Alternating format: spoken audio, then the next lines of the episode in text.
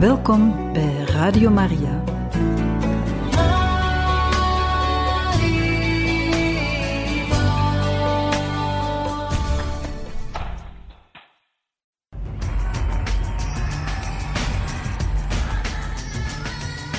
In nome del Padre, del Figlio e dello Spirito Santo.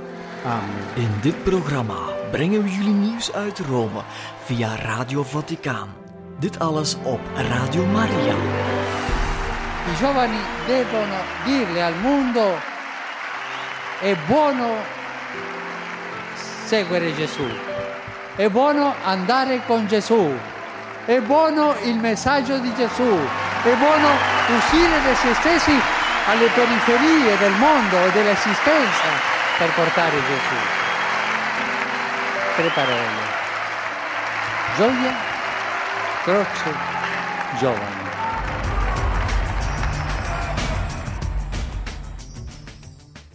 Van harte welkom, beste luisteraars van Radio Maria, bij het programma Radio Vaticaan. Het programma waar we samen kijken naar de pauselijke en Vaticaanse actualiteit. We kunnen u vermelden dat eh, Paus Franciscus zowel zaterdag als op maandag, dus respectievelijk 24 en 26 februari, omwille van milde symptomen van griep, besloten heeft om zijn audiënties af te zeggen en rust te houden. Het gaat over, zo zei het Vaticaan, over een maatregel om erger te voorkomen. We bidden natuurlijk voor het snelle herstel van Paus Franciscus, die eveneens verwacht wordt aanstaande woensdag tijdens de generale audiëntie. We volgen het natuurlijk voor u op en u zal er meer over vernemen tijdens Radio Vaticaan live op woensdag 28 februari.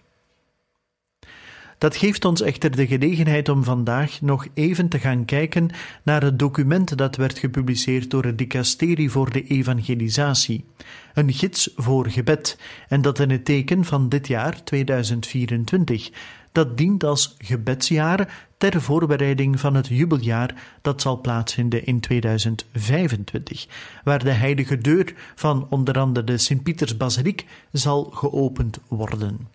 De paus zegt dat we ons met gebed dienen voor te bereiden op de spirituele gaven en genaden die God ons wil schenken door dit jubeljaar. Vorige keer hadden we daar reeds een stukje van kunnen vernemen Enerzijds wat het dicasterie en de prefect aanreikt, anderzijds wat Paus Franciscus aanreikt met enkele citaten.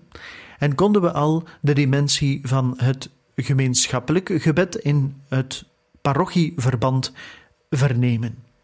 Althans, een eerste deeltje daarvan, namelijk de Eucharistie. Een tweede punt dat naar voren gebracht wordt, is het getijdengebed.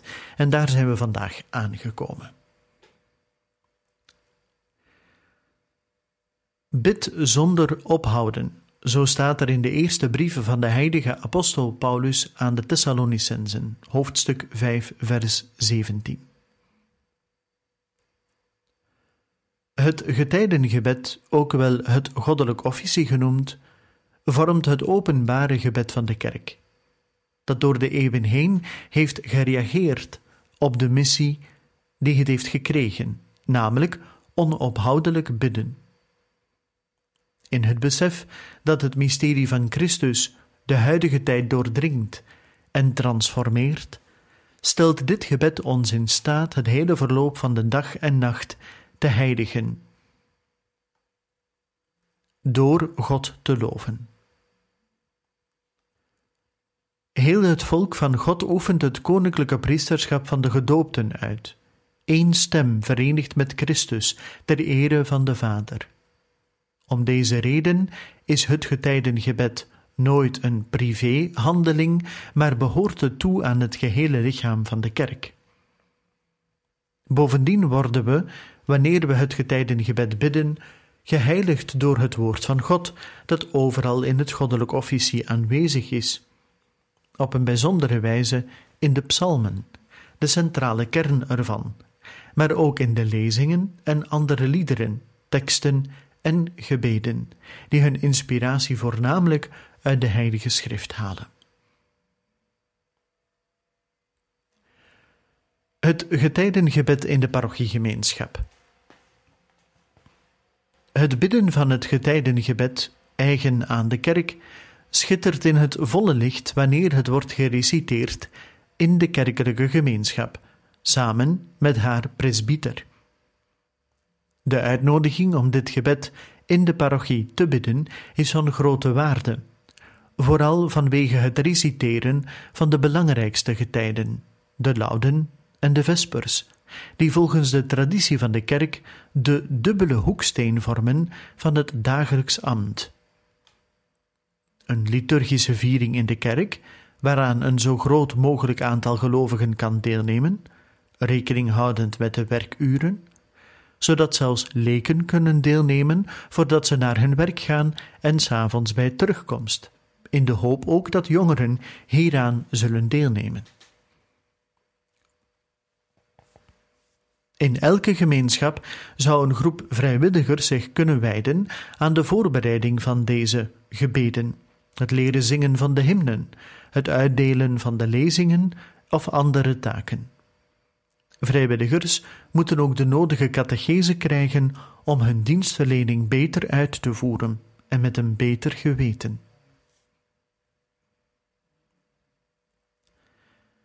Bij het reciteren van het getijdengebed kan de muzikale begeleiding van een orgel behulpzaam zijn, dat samen met een voorzanger de gelovigen weet te betrekken bij enkele psalmmelodieën. Als het passender wordt geacht om het psalter met duidelijke stem te reciteren, schenk dan bijzondere aandacht aan het zingen van de psalter Benedictus en Magnificat waarbij de aanwezigen worden uitgenodigd om te gaan staan en na te denken over de woorden in het lied. In religieuze gemeenschappen kan men tussen het reciteren van de ene psalm en de andere een korte stiltepauze inlassen, zodat een vers dat het hart bijzonder heeft beroerd, vrij en hardop kan weerklinken. En tot slot besteed bijzondere aandacht aan de viering van de eerste vespers op zaterdagavond en de tweede vespers op zondag. Dat wat betreft dus het getijdengebed. Een derde punt dat naar voren wordt gebracht is 24 uur voor de Heer. Dit initiatief is een door Paus Franciscus gewild gebedsgebeuren dat gevierd dient te worden tussen de vrijdag en de zaterdag, voorafgaande aan de vierde zondag van de veertig dagen tijd. Het doel is om de gelovigen de kans te bieden een moment van intens gebed te ervaren en de weg te vinden om dichter bij de Heer te komen. Concreet wordt aan de gemeenschappen voorgesteld om op vrijdagavond en op zaterdag de hele dag te voorzien in een buitengewone opening van de kerken en de heiligdommen, waarbij de mogelijkheid wordt geboden om toegang te krijgen tot de biecht, bij voorkeur in een context van een geanimeerde en goed georganiseerde eucharistische aanbidding. Allen zijn zich ervan bewust dat het sacrament van de verzoening centraal in het christelijk leven, ons in staat stelt de grootsheid van de barmhartigheid uit de eerste hand te ervaren.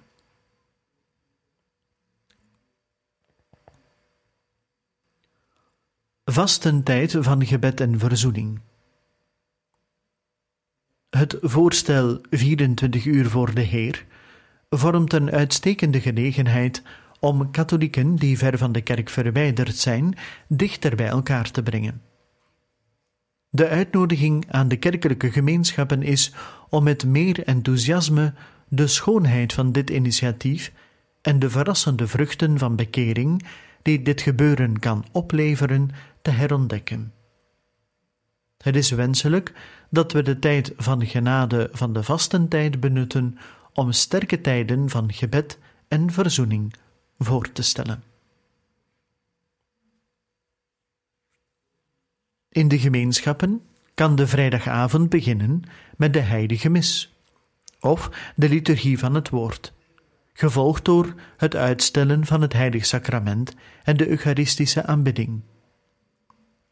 Eventueel geanimeerd door verschillende parochiegroepen.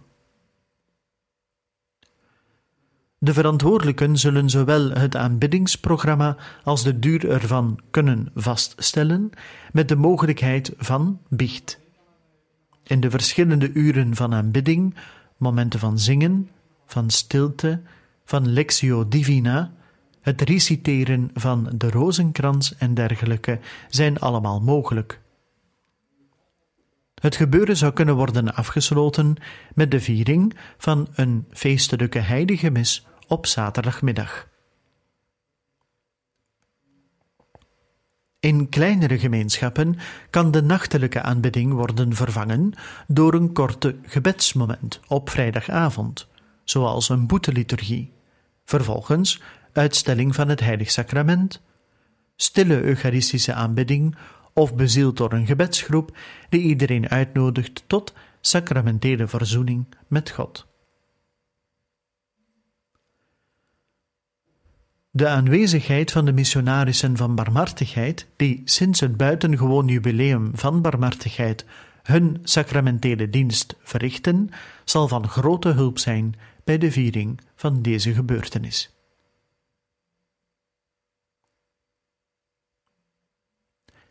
Een belangrijk punt: Eucharistische aanbidding. In de aanwezigheid van de Heer zijn.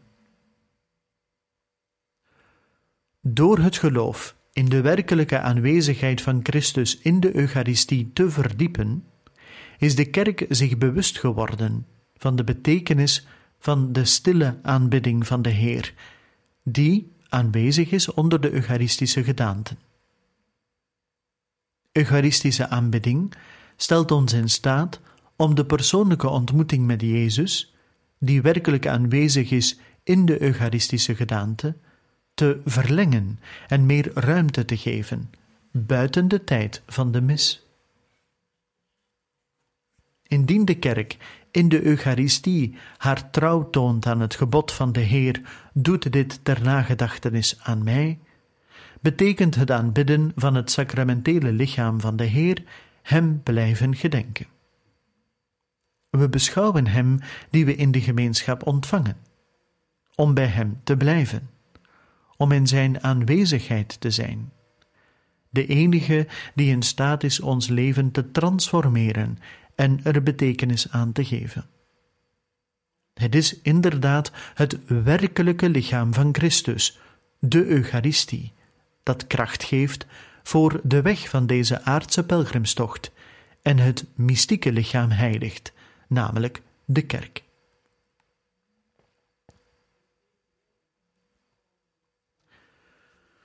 Een volgend punt dat wordt aangereikt: contemplatieve stilte introduceren.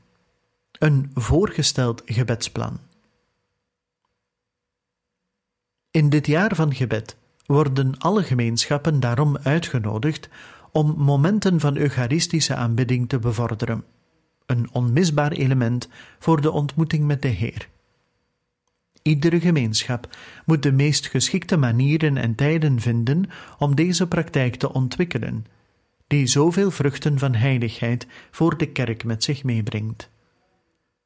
We bieden hier een klassiek schema van aanbidding aan, dat behulpzaam kan zijn bij het aanmoedigen van de gelovigen in gebed en bij het herkennen van de aanwezigheid van de Heer die op ons wacht om ons tot Hem te wenden. Ten eerste, het uitstellen van het Allerheiligste Sacrament. Terwijl we wachten tot de Heer op het altaar wordt uitgesteld, is het goed om ons in stilte voor te bereiden, om zich ervan bewust dat we binnenkort voor Hem zullen staan, klaar om in gebed te luisteren te zijn naar wat Hij ons wil vertellen, en klaar om onze verzoeken aan Zijn voeten neer te leggen. Om een klimaat van gebed aan te moedigen, is het wenselijk dat de uitstelling begeleid wordt door een lied en het gebruik van wierook. Dit alles bevordert de erkenning van de uitzonderlijke aard van het moment en van de goddelijkheid van de Heer, die aanwezig is onder de gedaante van het geconsecreerde brood. Verzoek om vergeving. Wanneer de uitstelling eenmaal is afgerond, kan men om zijn hart zo goed mogelijk te ordenen een kort moment wijden aan het vragen om vergeving voor zijn zonden. De Heer kent onze wonden, onze beperkingen en onze zonden. Niemand kan zich op iets beroemen tegenover Hem. Wat van ons wordt gevraagd, is alles in Zijn tegenwoordigheid te plaatsen, in de zekerheid dat de grootsheid van Zijn barmhartigheid ons hele wezen kan omvatten.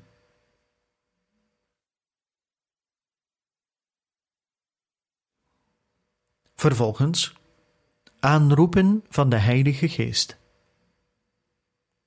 In navolging van de leer van Sint Paulus, ook voor de Eucharistische aanbidding, doen we onze eigen uitnodiging om de Geest van God te aanroepen, om te weten wat God ons heeft gegeven. Niemand kan in feite de werkelijke aanwezigheid erkennen van de Heer in de gewijde hostie, wanneer het niet de Geest is die dit in ieder van ons doet. Om deze reden is het goed om het hart voor te bereiden om de Heer te ontmoeten, door een aanroeping van de parakleet, mogelijk ook in de vorm van een lied, waarin we vragen onze geest te verlichten met de gave van het geloof.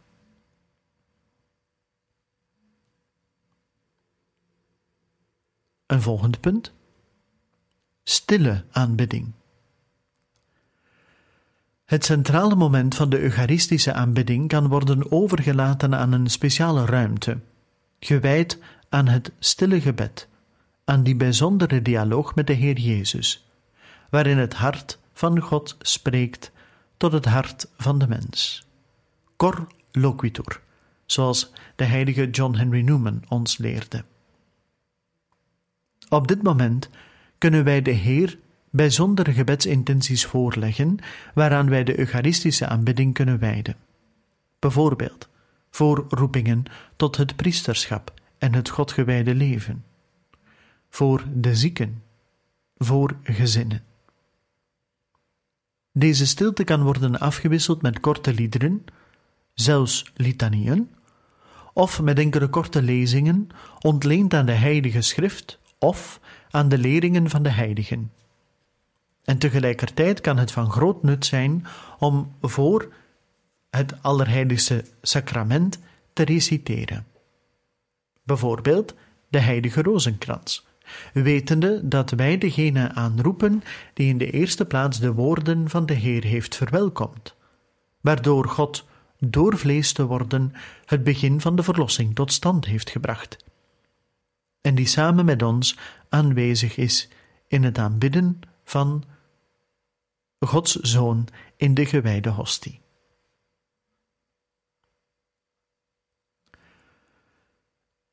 En een volgend punt, Eucharistische zegening. Het gebed eindigt met de zegen van de gelovigen met het Allerheiligste Sacrament.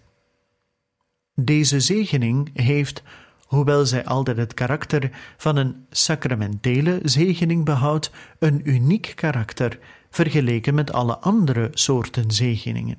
Bijvoorbeeld met wijwater, met de reliquieën van de heiligen, op voorspraak van de heilige maagd Maria, enzovoort. Omdat in deze zegen de Heer aanwezig is met zijn lichaam, op een ware, reële en substantiële manier. Met de Eucharistische zegen komt Hij op een heel bijzondere wijze dicht bij ons, waarbij Hij alle aanwezigen erbij betrekt en iedereen tot Hem trekt.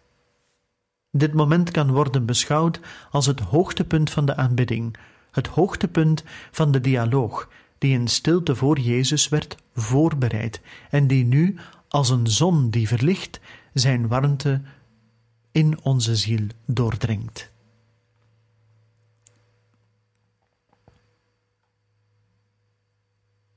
En dan tot slot het terugplaatsen van het Allerheiligste Sacrament in het tabernakel. Verrijkt door het geschenk dat we in de zegen ontvangen, begeleiden wij het terugplaatsen van de hostie met eerbied in het tabernakel, terwijl we opstaan en eventueel een passend lied zingen om de Heer te begroeten. Dit alles helpt ons ook te herinneren dat Jezus, de Eucharistie, altijd op ons wacht in het tabernakel. Hij is voortdurend aanwezig in onze kerken, en zelfs wanneer niemand opdaagt om tot Hem te bidden, is Hij daar, verlangend om tot de harten van de mensen te spreken. Tot trouwe mensen die Hem benaderen. Laten we niet vergeten, zelfs in onze dagen, vol verplichtingen en soms afleidingen, om een bezoek te brengen aan het allerheiligste sacrament van het altaar, om zelfs maar een paar minuutjes te wijden aan het uiten van lof, van dank, van toevertrouwen van onze behoeftes en lijden. De Heer, die zeker weet wat je nodig hebt, zelfs voordat je het Hem vraagt, zal niet lang wachten om naar ons te luisteren. Wat een prachtige tekst om ons aan te sporen om aan Eucharistische aanbidding te doen. Iets wat Paus Franciscus zeer regelmatig in zijn pontificaat naar voren heeft gebracht. En ik moet zeggen, de laatste, ja, ik zal zeggen, de laatste keren dat er een belangrijke homilie of een, een belangrijk moment was, ook in de kersttijd, in de advent, heeft hij verschillende keren daarnaar verwezen. De nood tot aanbidding. De kerk moet aanbidden. Wij moeten God leren aanbidden. Wij moeten leren ons hoofd buigen voor de grootsheid van God. In plaats van altijd met ons hoofd rechtop te willen lopen, trots en fier. Nee, we moeten durven buigen, uit liefde. Wetende dat de Heer ons ziet zoals wij zijn, we kunnen voor Hem niets verbergen, zoals het ook in de tekst duidelijk staat niets. Hij ziet alles. Zeker wanneer wij uitnodigen om ons te zien. In alles. Ook in het moeilijke, in het beschamende, in het zondige, in het zwakke. Misschien zelfs in het bijzonder daar, omdat God daar bijzonder werk kan doen. Jezus kan daar zijn licht laten schijnen en zaken transformeren. We gaan van de parochie naar het gezin, de familie. En het document zegt daarover het volgende: Het gezin is als een gebedsschool. Het leergezag herhaalt talloze malen het belang van het bidden in het gezin en herinnert eraan dat de eerste onderrichten die we als kinderen kregen de doorslaggevende zijn die standvastig blijven in het dagelijks leven, zelfs wanneer we volwassen zijn. Het gezin waarbinnen het kind zijn eerste stappen zet en zijn eerste woordjes zegt, zoals mama of papa, dankjewel en alsjeblieft, vertegenwoordigt ook de plaats waar gebeden en dankjewel wordt gezegd aan de Heer. Toen hij opgroeide, wijde hij zich aan het gebed naar het voorbeeld van zijn ouders, en leerde hij zelfs op de moeilijkste momenten op de Heer te vertrouwen, zeker van zijn steun. In de apostolische exhortatie Amoris Laetitia herhaalt Paus Franciscus dat momenten van gezinsgebed en uitingen van volksvroomheid een grotere evangeliserende kracht kunnen hebben dan alle catecheses en homilieën samen. En concludeert dat slechts uitgaande van deze ervaring gezinspastorale zorg in staat zal zijn ervoor te zorgen dat gezinnen tegelijkertijd huiskerken zijn en een evangeliserende gisting in de samenleving. De heilige paus Johannes Paulus II in de apostolische exhortatie Familiaris Consortio erkende het belang van het gebed dat gedeeld wordt in het gezin. Aangezien in het gezin de menselijke persoon niet alleen gegenereerd wordt en geleidelijk geïntroduceerd wordt door middel van onderwijs in de menselijke gemeenschap, maar door de wedergeboorte van het doopsel en de opvoeding van het geloof wordt de mens ook geïntroduceerd in de familie van God, namelijk de kerk.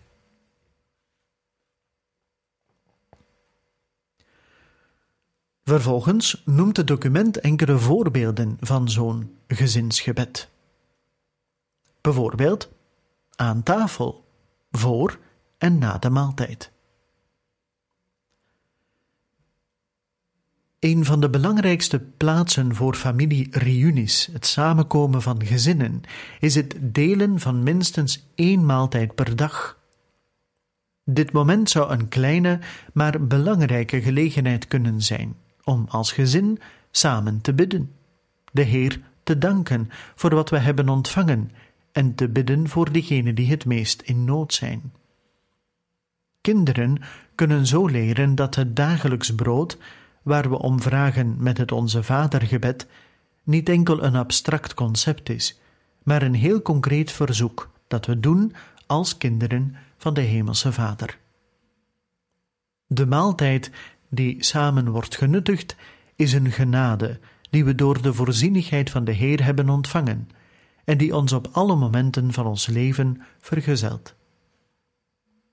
Hieronder bieden we een gebedsmogelijkheid aan dat elk gezin kan aanpassen aan zijn eigen gevoeligheden. Voor de maaltijden bijvoorbeeld: Heilige Vader, wij danken u voor dit voedsel.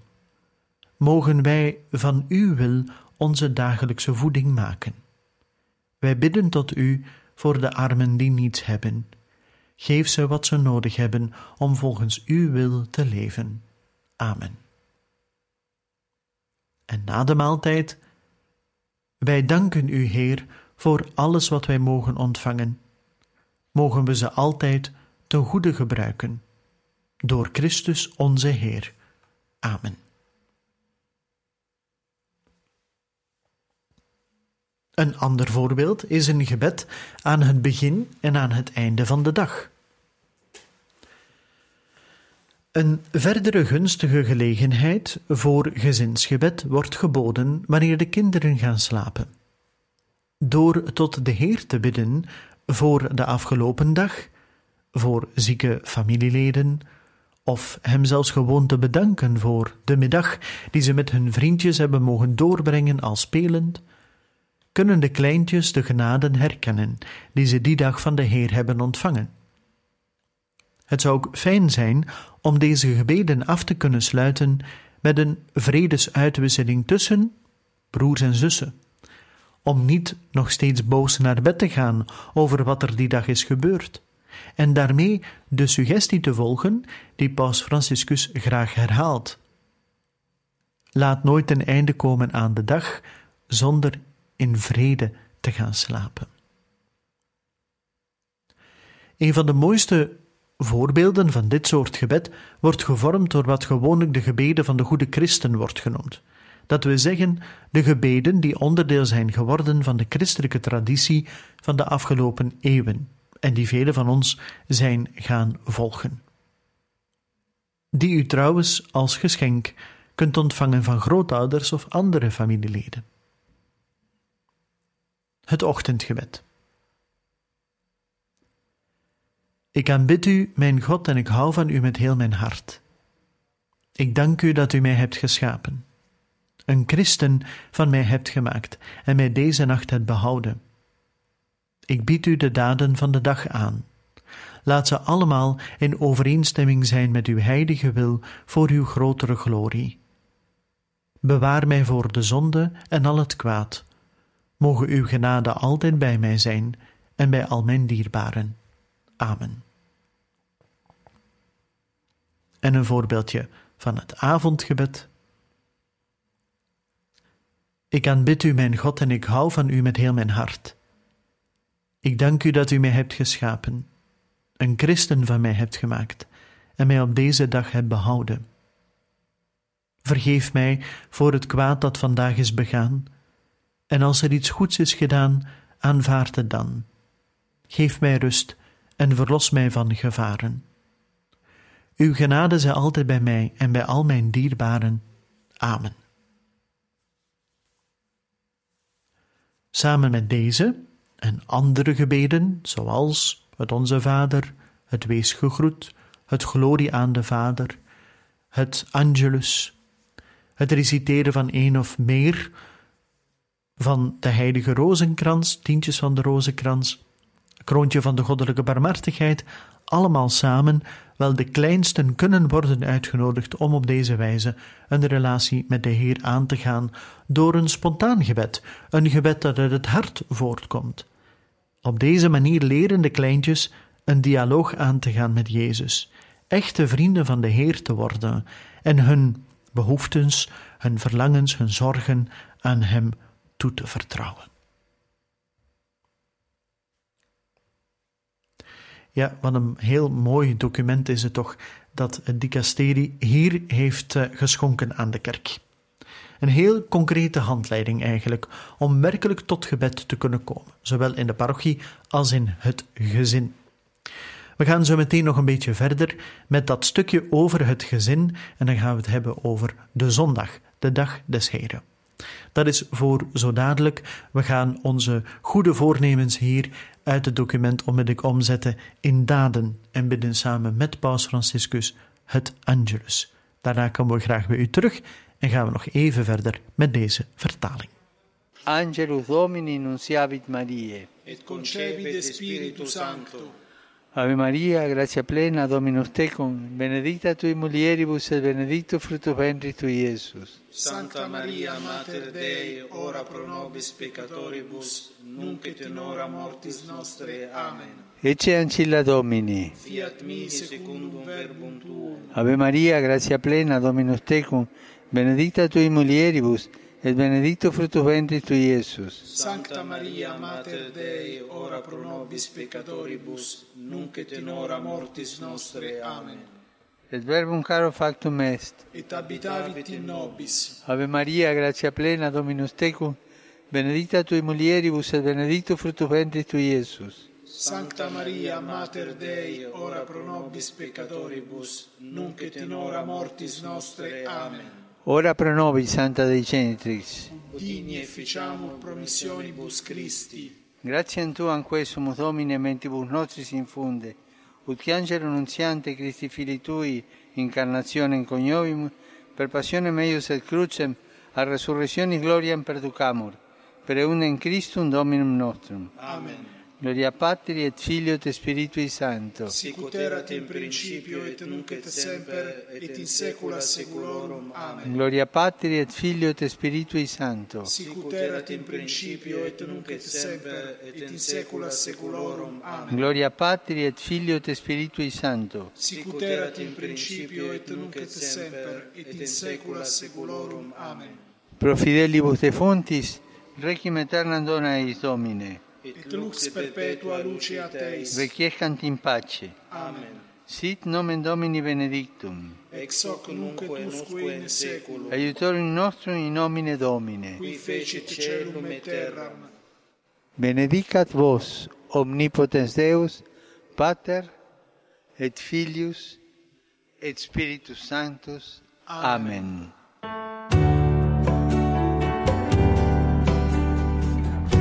Welkom bij Radio Maria.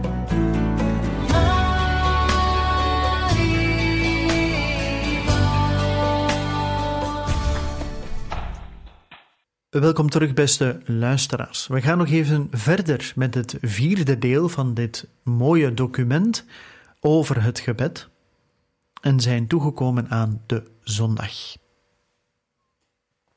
Binnen het gezin dus.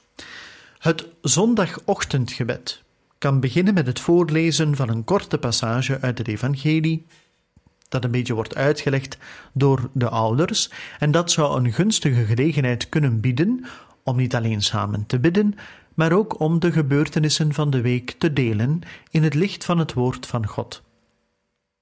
De heilige paus Johannes Paulus II verklaarde in de apostolische exhortatie Familiaris Consortio dat het christelijk gezin zijn profetische rol beleeft door het woord van God te verwelkomen en te verkondigen, en zo iedere dag meer een gelovige en evangeliserende gemeenschap te worden. Tijdens het ochtendgebed bijvoorbeeld kan het een nuttige suggestie zijn om de rollen te verdelen van wie de antifonen reciteert, wie de psalmen reciteert, wie de Bijbelpassage kan lezen enzovoort, waardoor de betrokkenheid van iedereen wordt gestimuleerd, zelfs van de allerkleinste. Ouders zouden ook wat ruimte kunnen vrijmaken om de geluisterde lezingen uit te leggen. Om dit te doen kunnen er enkele verbanden worden gelegd met het dagelijks leven in het gezin en op school, waaruit blijkt hoe het evangelie en het woord van God woorden zijn van waar leven en dat we er zelf uit leven en weten hoe ze licht en begeleiding kunnen bieden bij alle gebeurtenissen van onze tijd. Als een lid van de familie een muziekinstrument kan bespelen en het reciteren van de lofzangen kan begeleiden met liederen en enkele passende melodieën, dan zou dit een prachtige manier zijn om het gebed nog aantrekkelijker te maken, waardoor de geest waarmee de psalmen zijn gecomponeerd ook onze aandacht krijgen. Hymnes, geestelijke liederen en dergelijke. Ten slotte zou het, vooral voor de kleinsten, een zeer opbouwende praktijk kunnen zijn om samen kort het leven van de heilige van die dag voor te lezen en even uit te leggen waarom deze persoon een heilige werd en aan te tonen dat men om de voorspraak en bescherming van de heilige kan vragen op de dag die aan de heilige is gewijd. Een vijfde deel van dit document gaat over het gebed van jonge mensen. Spreek, Heer, want uw dienaar luistert. Uit het eerste boek Samuel, hoofdstuk 3, vers 9. De manier om Gods wil te begrijpen. De jeugd is een belangrijke overgangsperiode. Net als bij andere aspecten van het leven, zelfs bij de weg van het geloof, ga je op een gegeven moment de praktijken die je in je kindertijd hebt geleerd, misschien in twijfel trekken. Op zoek naar een meer persoonlijke en intieme manier om de Heer aan te spreken. Als het waar is dat de relatie tussen jongeren en gebed misschien een delicaat onderwerp lijkt, dan kunnen we niet anders dan onderkennen dat veel jonge mensen, mits begeleid met zorg en moed, een verrassende belangstelling en betrokkenheid tonen. Een gebedsweg met jongeren mag niet nalaten twijfels en vragen te omvatten over genegenheid en relaties, over angsten en verlangens. Juist de stilte en de intimiteit van het gebed kunnen samen de ruimte vormen waarin je de Heer de kluwen van je hart kunt vertellen en woorden van leven van Hem kan ontvangen. Als je vriendschap met Hem aangaat en met de levende Christus begint te spreken over de concrete dingen van je leven, dan zal dit een grote ervaring zijn. Het zal de fundamentele ervaring zijn die je christelijke leven zal ondersteunen, lezen we in Christus Vivit. Ten slotte is het onvermijdelijk dat een gebedsweg met jongeren vragen van beroepsmatige aard oproept. De tijd van de jeugd is bij uitstek de tijd om naar de eigen toekomst te kijken en deze op te bouwen, ook ten dienste van anderen. Jonge mensen helpen bidden, betekent hen helpen dromen en hun eigen toekomst bij de Heer te zoeken, door Hem als een onafscheidelijke metgezel te zien. In gebed kunnen jonge mensen leren opkijken en de sterren tellen, zoals Abraham. Ze kunnen gefascineerd zijn door een struik die niet wordt verteerd, zoals Mozes. Ze kunnen luisteren in het holst van de nacht, zoals Samuel. Ze kunnen de deur openen voor de Heer die aanklopt, zoals Maria. Tijdens dit gebedsjaar is het belangrijk dat elke christelijke gemeenschap weet hoe ze deze roepingsdialoog opnieuw kan aanwakkeren in de harten van de jongeren, die zich verheugen over de passage van de Heer die roept.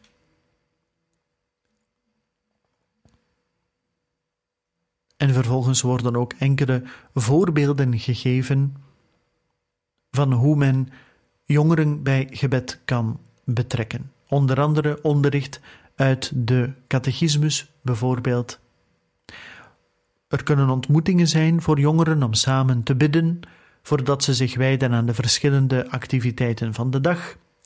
In de ochtend, voor ze naar school gaan, bij, kan er een bijeenkomst zijn voor het lezen van het evangelie van de dag, of om samen de lauden te bidden. Op dezelfde manier zou het ook wenselijk zijn, zegt het document, om wekelijks een kort moment van eucharistische aanbidding aan te bieden, waar de kinderen hun intenties kunnen voorstellen en deze aan hun klasgenoten kunnen toevertrouwen, zodat de gebeden versterkt kunnen worden en ieder zich de intenties van de ander eigen kan maken.